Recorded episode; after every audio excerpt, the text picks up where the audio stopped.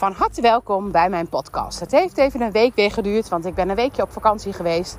En ik heb deze week nog steeds vakantie, maar ik ben nu even een rondje aan het lopen. En ik dacht, ik ga toch nog even een podcast inspreken, omdat ik ehm, nou, iets wat ik misschien wel lastig vind om te delen tijdens een podcast, omdat ik het dan ook echt de wereld inslinger. Maar ik wil het toch heel graag de wereld inslingeren.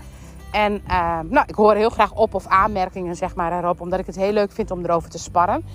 Maar ehm, als je volgens de biologica kijkt en ook kijkt naar het corona-verhaal, dan maken sommige dingen mij wel een beetje verdrietig. En ik weet echt helemaal niet of ik het bij het rechte eind heb.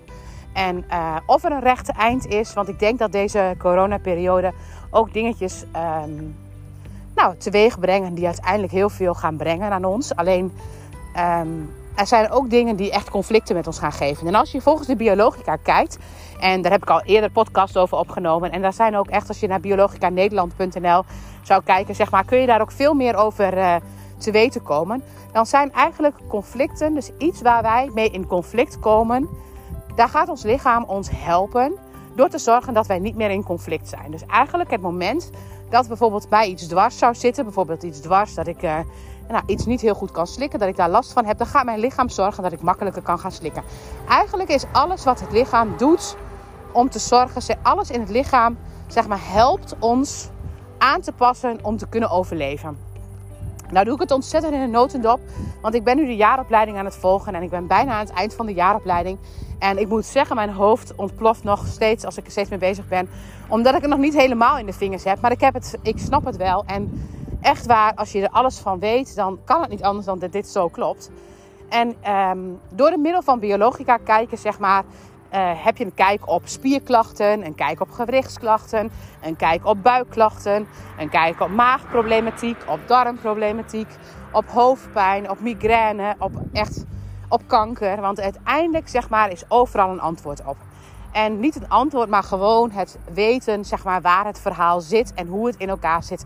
En wat het lichaam eigenlijk, waar het lichaam jou mee wil helpen. Want eigenlijk is je lichaam bij elke ziekte, MS, Parkinson, bij alles, is je lichaam aan het helpen. Alleen, soms val je zo vaak in je conflict terug dat het helpen bijna niet meer te doen is. Dus eigenlijk moet je je voorstellen, stel je voor, ik zou nu een zere enkel hebben, dan ga ik scheef lopen. En dan stel je voor, mijn enkel zou nog meer pijn gaan doen op den duur. Dan zou ik misschien nog schever gaan lopen, net zolang tot ik omval. En dan ben ik inderdaad omgevallen door de gevolgen die ik had van het pijn hebben van mijn enkel. Dus uiteindelijk zeg maar, ben ik dan wel opgevallen. Dus dan gaat het niet helemaal goed met mij. Dus het kan echt heel goed zijn dat een ziekte die je hebt, dat die uiteindelijk jou um, doet omvallen. Oftewel dat je er dood aan gaat. Dat kan. Alleen, je moet je voorstellen, dan heeft het al wel een serie van conflicten zijn het geweest. Nou, wat is nou een conflict? Een conflict is eigenlijk iets wat je um, in je leven uh, ervaart als zeer dramatisch en wat je eigenlijk niet weer zou willen ervaren. Dus je lichaam gaat je daarmee helpen door een aanpassing te gaan doen in het lichaam. Nou, even dit helemaal terzijde, want anders ga ik echt helemaal de biologica proberen uit te leggen. Maar ik was op vakantie en tijdens mijn vakantie, ik weet niet of meer mensen dat ervaren, maar dan word ik wel eens ziek. Als ik dan zeg maar op vakantie ben, dan ga ik blijkbaar ontspannen en dan word ik ziek. Heel veel mensen kennen dat. En dan gaan ze uiteindelijk zeg maar, um, nadat ze ziek zijn geweest, voelen ze zich weer fitter en dan gaan ze lekker de vakantie in. Maar soms kost het natuurlijk al een aantal dagen zeg maar, om dan weer beter te gaan worden. Eigenlijk is het moment van ziek worden Jij bent een periode in een conflict geweest. Je bent heel druk aan het werk geweest, bijvoorbeeld. En je gaat tot rust komen en je lichaam komt tot rust. En je lichaam is uit het conflict, blijkbaar. En die komt dan vanuit die conflictactieve fase, dus vanuit de fase waarin je lichaam nog aan het aanpassen is, komt hij in de herstelfase en hij geeft je dan een verkoudheid of een, zeg maar, weet je, hij geeft iets met koorts, met slijm, met ziek zijn, met ziektesymptomen. En eigenlijk is dat het herstelmechanisme van een aanpassingsstrategie, wat je daarvoor een hele periode hebt gedaan. Nou, die, aanpassings, uh, dat aanpassings, uh, die aanpassingsperiode, die kan soms heel lang duren voordat je daar zeg maar. Um, daar heb je helemaal geen weet van hoe lang je daarmee bezig bent. Dus het kan best zijn dat je het hele jaar al op je tandvlees hebt gelopen. En je, je bent, komt tot rust, want je hebt je zaakjes afgerond. En dan word je ziek. Je hoort het ook heel vaak bij mensen die na het werken, zeg maar, en dan krijgen ze opeens pensioen en hoppakee, ze worden ziek. Alsof zeg maar, de ontspanning die het dan geeft, op dat moment, zeg maar, een soort herstel in het lichaam geeft. Alleen dat je dan alsnog omvalt, omdat het herstelmechanisme ook klachten kan geven. Nou, wat ik ervaarde, zeg maar, is dat ik op vakantie helemaal niet ziek was. Daar ging het juist heel lekker. En toen kwam ik weer thuis en toen werd ik wel ziek. En toen besefte ik mijzelf en ik merkte aan Jort, want die was dus benauwd toen hij weer thuis kwam. En hij is de hele tijd op vakantie niet benauwd geweest. Mijn een beetje verkouden worden, zeg maar, of een beetje snotterig zijn. En Jort zijn uh, benauwdheid, dat waren beide herstelmechanismen. Allebei op een andere manier. Hij is jongetje, hij doet het op een mannelijke manier. En ik ben meisje, ik doe het op een meisjesmanier. En op een vrouwelijke manier, want daar zit allemaal nog weer verschil in. En um, ik ontdekte voor mezelf dat als ik dan thuis ben, dat ik dan iets kan loslaten wat ik moeilijk kan loslaten als ik ergens anders ben. Dus ben ik voor mezelf gaan uitzoeken. Nou, dat is weer een heel verhaal. Maar nu wil ik graag eventjes weer terug naar het corona-verhaal. Ik was er echt heel verdrietig van dat al die jongeren krijgen nu de schuld van die corona die uh, dan nu weer gaat uitbreken en die dan nu weer overal alles op rood zet. Nou, of het waar is ja of nee, dat laat ik maar in het midden. Maar hoe kan het ook anders? Het is toch super logisch? Want als je biologisch gaat kijken en je hebt een hele poos opgesloten gezeten, en dat hebben heel veel jongeren. Toen ik op kamers ging en ik in Groningen op kamers was, wat heb ik een feest gevierd? En wat heb ik een feest gevierd? Maar dat klinkt alsof ik er echt een potje van heb gemaakt. Maar ik heb mijn opleiding ook wel gewoon gedaan. Maar wat ben ik lekker op stap geweest? Wat heb ik een vrijheid ervaren? En wat heb ik daar uh, leuke dingen gedaan? Nou, je zou maar op kamer zitten in deze periode. Of je zou maar 17 of 18 zijn. En eigenlijk nergens anders aan denken dan lekker aan feestjes en gezelligheid met vrienden. En jij moet juist niet, mag je dat doen. En als je al gaat, dan voel je je eigenlijk min of meer een beetje bezwaard. Want eigenlijk mag je niet.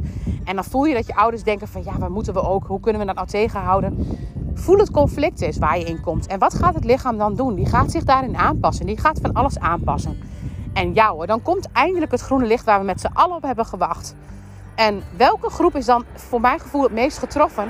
Nou, dat is denk ik de oudere groep. Want de oudere groep die heeft, uh, nou die is ook heel, heel uh, angstig. Maar ook mensen die in een, of uh, gehandicaptenzorg en de bejaardenzorg, die geen bezoek mochten ontvangen. Dat is echt een groep die voor mijn gevoel heel erg aangedaan is geweest. Die heel erg geraakt is in deze periode. Heel veel mensen hoor, maar maar ook de jongeren. De jongeren moeten we niet onderschatten. Nou, en wat gebeurt er dan? Dan gaan ze, uiteindelijk mogen ze dan een keer weer uit. Ze hebben groen licht om uit te gaan. Dus het is eigenlijk geen conflict meer. Je mag gewoon gaan. En natuurlijk komen ze dan met z'n allen in een herstelproces. En natuurlijk krijgen ze dan corona. Want natuurlijk testen ze dan positief. Want ze worden opeens ziek. Ja, want ze zijn in het herstelmechanisme. Dus ze worden dan ziek of het waar is, zeg maar, dat al die jongeren dat hebben. Maar ik geloof erin dat als het dan even weer mag. En dan voel je die ontspanning dat weer mag. Heb je geen strijdjes meer thuis. Mag je echt gewoon een keer uit. En natuurlijk ga je dan ontspannen en gaat je lichaam in de conflict oplossende fase. En dan krijg je koorts. Dan krijg je verkoudheid. Dan krijg je neusverkoudheid. Dus dat is niet zo vreemd. En wat ik dus hoorde, is dat er dan allemaal verwijten gedaan worden naar jongere mensen die dan met z'n allen allemaal weer gek aan het doen zijn. We hebben er allemaal beelden bij hoe dat dan verloopt. Maar ik denk niet dat dat het is. Ik denk echt dat het gaat over, als ik volgens de biologica kijk, je sluit, een aan, sluit ze een periode op. En ze zijn heus wel eens ergens naartoe geweest. Want ik bedoel, je houdt ze ook niet altijd tegen, maar altijd met een nagevoel, altijd met een conflictgevoel. En eindelijk is er geen conflict meer. Eindelijk is er groen licht. En eindelijk mogen ze weer. En dan gaan ze. En natuurlijk worden ze dan ziek. Net als dat ik ziek word als ik op vakantie ga en de boel mag loslaten. En net als dat ik ziek word als ik weer op een plek ben waar ik mijn conflict kan loslaten. Nou, een ingewikkeld verhaal misschien, maar ik wilde het toch heel graag laten weten. Want um, ik vind het verdrietig dat uh, deze jongeren die dan eindelijk... Na, want er zijn ook echt heel veel jongeren bij die zich keurig aan de regels hebben gehouden. En dan gaan ze op stap, hebben, houden ze zich nog steeds keurig op de, aan de regels. Aan de regels die gegeven zijn wat je man wel mag doen en wat je niet mag doen. En deze jongeren mogen we dan niet op de kop geven dat uiteindelijk nu weer weer in een foute fase zitten. Nee, het gaat erom dat we zien wat er echt aan de hand is. Dat we zien dat ze in een conflict oplossende fase komen na een periode waar ze in opgesloten zijn. En hoe je ook kijkt naar uh, ziek worden, naar bacteriën, naar... Weet je, het is een heel verhaal als je via de biologica kijkt. Maar het is echt een boeiend verhaal om eens naar te kijken. En je ziet meteen dat het klopt. Je ziet ook meteen wanneer bepaalde uitbraken zijn. Hoe harder je bang bent dat er iets gebeurt. Hoe meer je handelt vanuit angst. Hoe meer kans je hebt op een uitbraak. Want dat gebeurt er dan. Dat gebeurt er. Op het moment dat het dan voorbij is, dan kom je in de conflict oplossende fase. En hoplak idee, dan word je ziek. Nou, ik hoop hiermee wat verheldering te hebben gegeven. Mocht het allemaal verwarring gaan zaaien, dan mag je het laten weten op mijn mail info.willemijntrip.nl. Want het laatste wat ik wil is verwarring zaaien. Maar het laatste wat ik ook wil is mensen die eigenlijk onschuldig zijn ehm, de schuld toewijzen. Want dat is niet fijn. Nou, hopelijk heb ik het uitgelegd op deze manier. Dankjewel voor het luisteren en tot een volgende podcast.